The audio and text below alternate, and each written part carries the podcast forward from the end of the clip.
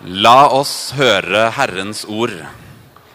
Jeg leser fra evangeliet etter Lukas kapittel 8, vers 4-15. Mye folk strømmet nå til fra byene omkring. Da en stor mengde hadde samlet seg om ham, fortalte han en lignelse. En såmann gikk ut for å så kornet sitt, og da han sådde, falt noe ved veien. Det ble tråkket ned, og fuglene under himmelen kom og spiste det opp. Noe falt på steingrunn, og det visnet straks det kom opp, fordi det ikke fikk hvete. Noe falt blant tornebusker, og tornebuskene vokste opp sammen med det og kvalte det. Men noe falt i god jord, og det vokste opp og bar frukt, hele hundre ganger det som ble sådd. Da han hadde sagt dette, ropte han ut, Den som har ører å høre med, hør! Disiplene spurte ham hva denne lignelsen betydde. Han svarte, Dere er det gitt å kjenne Guds rikes hemmeligheter.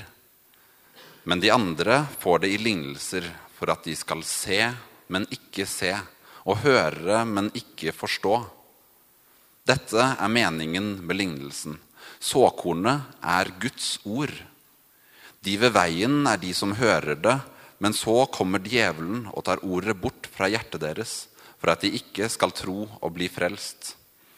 De på steingrunn er de som tar imot ordet med glede når de hører det, men de har ingen rot. De tror bare en tid, og når de blir satt på prøve, faller de fra.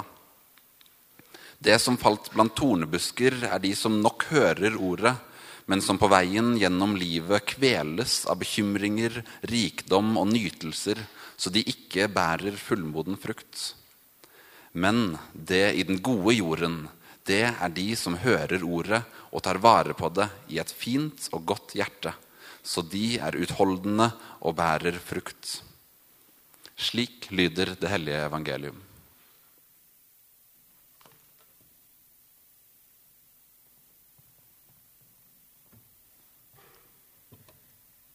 Så kjekt å se dere. Så fint å få lov å være her. Og så fint å få lov til å kunne tale. Jeg er jo liturgtreie hver søndag, men dette er noe litt annet. Så jeg skal prøve å dele noen tanker omkring denne teksten. Eh, hvis man ser i kalenderen i kirkeåret, så kalles denne dagen i dag for såmannssøndag. Eller òg bibelsøndag.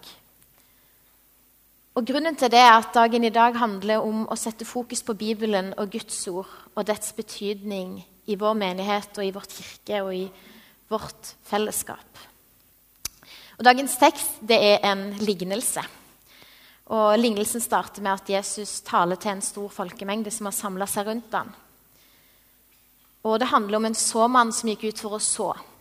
Og det såkornet som han sår, det er Guds ord evangeliet, de gode nyhetene om Jesus Kristus som verdens frelser. Og når eh, jeg setter meg ned og skal lese denne lignelsen Denne har jo til og med forklaring. Men så kan det samtidig gjøre til være litt vanskelig. Fordi lignelse det er et bilde på noe. Jesus maler opp et bilde for å skape et poeng. Og Selv om man har forklaring, så kan det være vanskelig å helt forstå ok, men Gud, hva er det du vil vi skal sitte igjen med. Hva er det dette skal fortelle oss? Og En lignelse kan ha flere tolkninger, og man kan lese det på ulike vis. Og Da syns jeg av og til det kan være godt å plukke det litt fra hverandre og koke det ned. ok, men Hva er utgangspunktet? Hva er, de, hva er det denne teksten bygger på?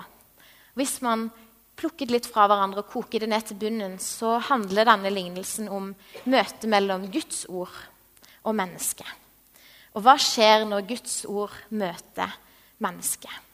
Hva skjer når såkornet kastes ut fra talerstolen, eller når vi åpner Bibelen og leser den, eller bryter nattverdsbrødet?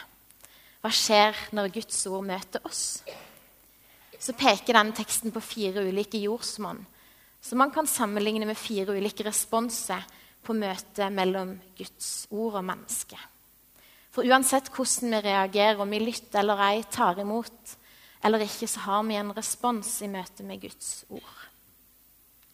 Og når jeg leste teksten, så ble jeg sittende og tenke over hva er god jord? Hva vil det si å være god jord, som er det siste jordsmonnet som blir pekt på? Jeg er fra gård, så jeg burde kanskje egentlig vite hva god jord er. Men det vet jeg ikke, så jeg måtte ta fram eh, PC-en og leke litt botaniker og søke meg fram på nett for å finne en god kilde. For kildekritikk det kan jeg etter fire og et halvt år med studiet. Så jeg har leita meg fram til en god kilde, forskning.no, og setter min lit til den. Og den forteller meg hvordan jeg kan lage god jord. Det jeg da eh, trenger, det er først og fremst Hvis du skal lage god jord, så må du ha god tid.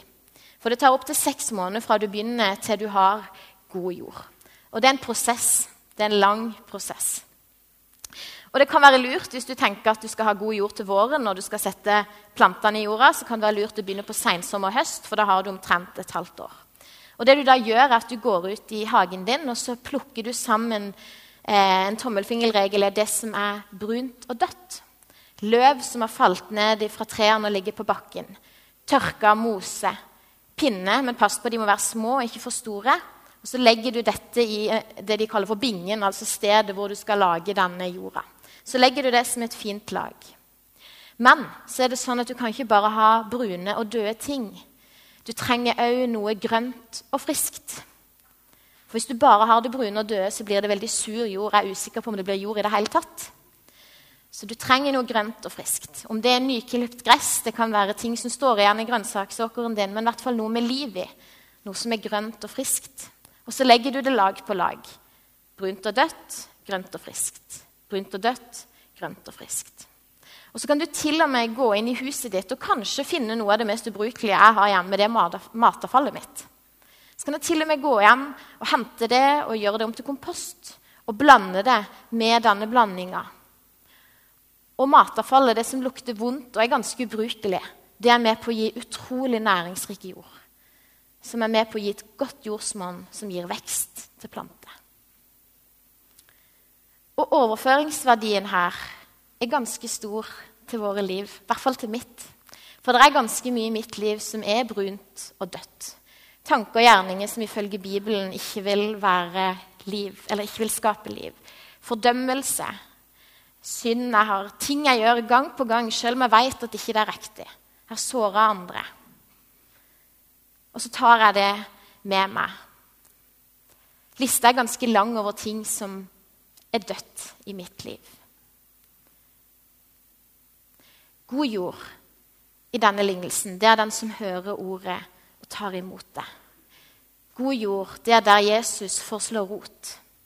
Og god jord, det er når Jesus får slå rot midt i mitt liv. Midt oppi det som er brunt og dødt. Der kommer hans ord om verdens frelser. Hans ord om at han elsker meg. Og så tar han med det grønne og friske. Det som gir liv. Det som kan forandre.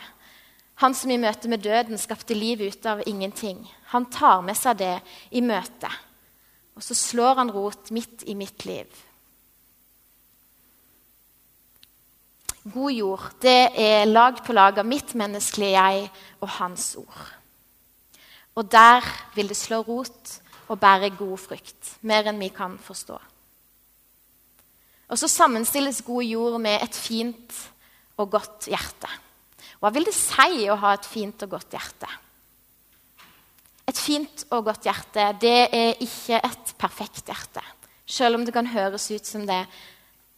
Nei, et fint og godt hjerte, det er et hjerte som snakker sant om livet. Det er et hjerte som snakker ærlig om livet. Det er et hjerte som i møte med Gud tør å fortelle om alt det døde, det brune og døde som jeg har i mitt liv, det jeg har gjort, det jeg har tenkt, og tør å ta det fram. Det er et hjerte som òg tør å ta fram den posen med matavfall som man ofte holder på lang avstand fordi det gjør så vondt eller fordi det er litt skamfullt. Tenk at jeg har gjort dette. Men se det å ta det fram for Gud, og i tillegg til han forteller at 'dette er mitt liv', det har jeg. Og så kommer han med hans ord og med sitt liv, og så kan han bruke det til noe godt. Ut av det så vokser det fram planter som bærer god frukt. For når jeg er svak, så er Jesus sterk.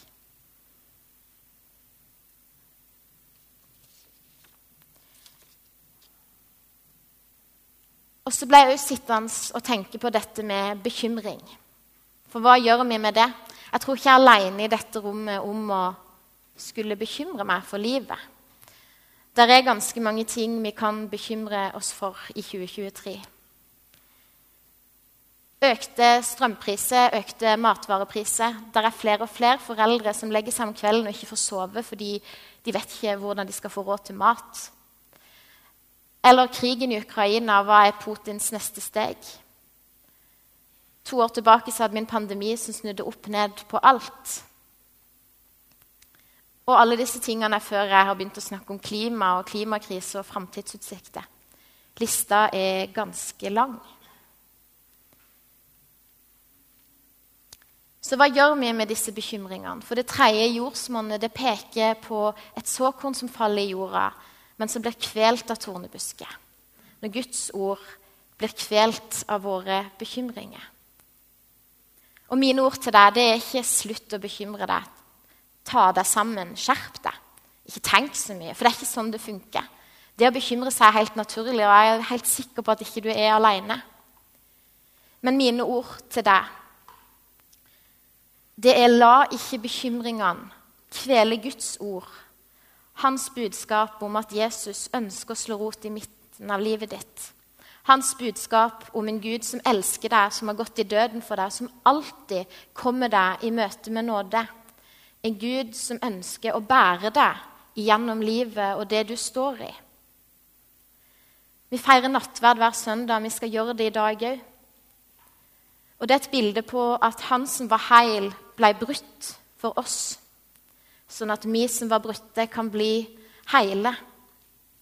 Bekymring er ofte et uttrykk for at noe har blitt brutt, at noe har gått galt. Det er noe som ikke er som det stemmer. Så la ikke budskapet, de ordene som kan gjøre det brutte helt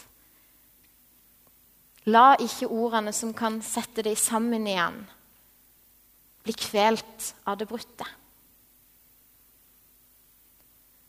For Jesus han lengter etter å få lov å lytte til din smerte og til dine bekymringer, til det du går og bærer på. Han lengter etter å få lov å bære dine byrder, og han sier i første, det står i 1. Peter 5,7 at 'kast alle deres bekymringer på Han, for Han har omsorg for dere'. Jeg har ingen svar på hvorfor det er så mye nød i verden, eller hvorfor det er så mye vi kan bekymre oss for. Men Guds ord det taler om en Gud som har gitt oss noen løfter. Og I Isaiah 55 så kan vi lese at 'for mine tanker er ikke deres tanker'. Og deres veier er ikke mine veier, sier Herren. Som himmelen er høyt over jorden. Slik er mine veier høyt over deres veier, og mine tanker høyt over deres tanker. For lik regn og snø som faller fra himmelen og ikke vender tilbake dit, før de har vannet jorden. Gjort den fruktbar og fått den til å spire, gitt såkorn til den som skal så, og brød til den som skal spise. Slik er mitt ord som går ut av min munn. Det vender ikke tomt tilbake til meg, men gjør det jeg vil, og fullfører det jeg sender det til. Guds ord det vender aldri tomhendt tilbake. God jord skapes av det brune og døde og det grønne og friske. Og det er en prosess som tar tid. Og Spesielt i møte med bekymring og uro og det som skjer rundt oss, så må vi øve blikket på å se, Gud, se etter Gud og leite etter det grønne og friske, leite etter lys i mørket, for det er der. Vi må leite etter Gud og se at han elsker oss og lytte til ordet om at han velsigner oss og går oss i møte med nåde. At han ønsker å slå rot i livet vårt og forvandle oss og gi kraft. Men så har det ordet så fort for å bli overskygga av verdens larm og bekymring. Men vi kan med tillit leite etter Gud i vår hverdag og Hans ord, for Guds ord det vender aldri tomhendt tilbake. Det gjør noe med oss. Som jeg sa i stad, jeg kan ikke forklare hvorfor det er sånn at barn i Oslo kommer med panteposen sin på trening med panteflaske for å betale den medlemskontingenten. Jeg kan ikke forklare hvorfor mennesker dør i en krig som man ikke helt forstår. Eller kanskje hvorfor noen har mista familie eller venner altfor tidlig. Jeg kan ikke forklare hvorfor verden er som den er, eller hvorfor det er bekymring som kan lamme oss. Men det jeg vet, og for noen kan det oppleves som et paradoks, men det jeg vet, det er at Gud alltid, uansett og under alle forhold, løfter sitt blikk på meg og deg og ønsker oss vårt beste. Han ønsker å komme oss i møte med nåde, og han velsigner oss. Gud ønsker å få slå rot midt i livet vårt og alt det innebærer, og i alle våre bekymringer. Men så kan det samtidig være vanskelig å stole på det. Men invitasjonen og rammen for hans ønske om å slå rot midt i livet, det er en invitasjon som er forma av kjærlighet og omsorg. Og en ufortjent godhet som ikke kan forklares. David André Østby han skrev en sang til sin sønn i fjor vår, når han skulle konfirmere seg. Det er en sang som er en velsignelse, hvor han ønsker at det skal gå hans sønn vel. En velsignelse han synger over sin sønns liv, med gode ønsker og med håp for framtida. Lovsangsteamet skal nå synge den sangen til oss. Så min oppfordring til deg det er å lukke øynene der du sitter mens Ingrid og lovsangsteamet nå skal synge. Og tenke at akkurat som David André Østby synger denne velsignelsen, denne sangen over sin sønns liv, med et håp og et ønske om gode dager, med velsignelse om kjærlighet, ikke en lovnad om at livet vil være uten bekymring, men en lovnad om at han skal være der så vil jeg at du skal tenke at dette er Guds sang over ditt liv.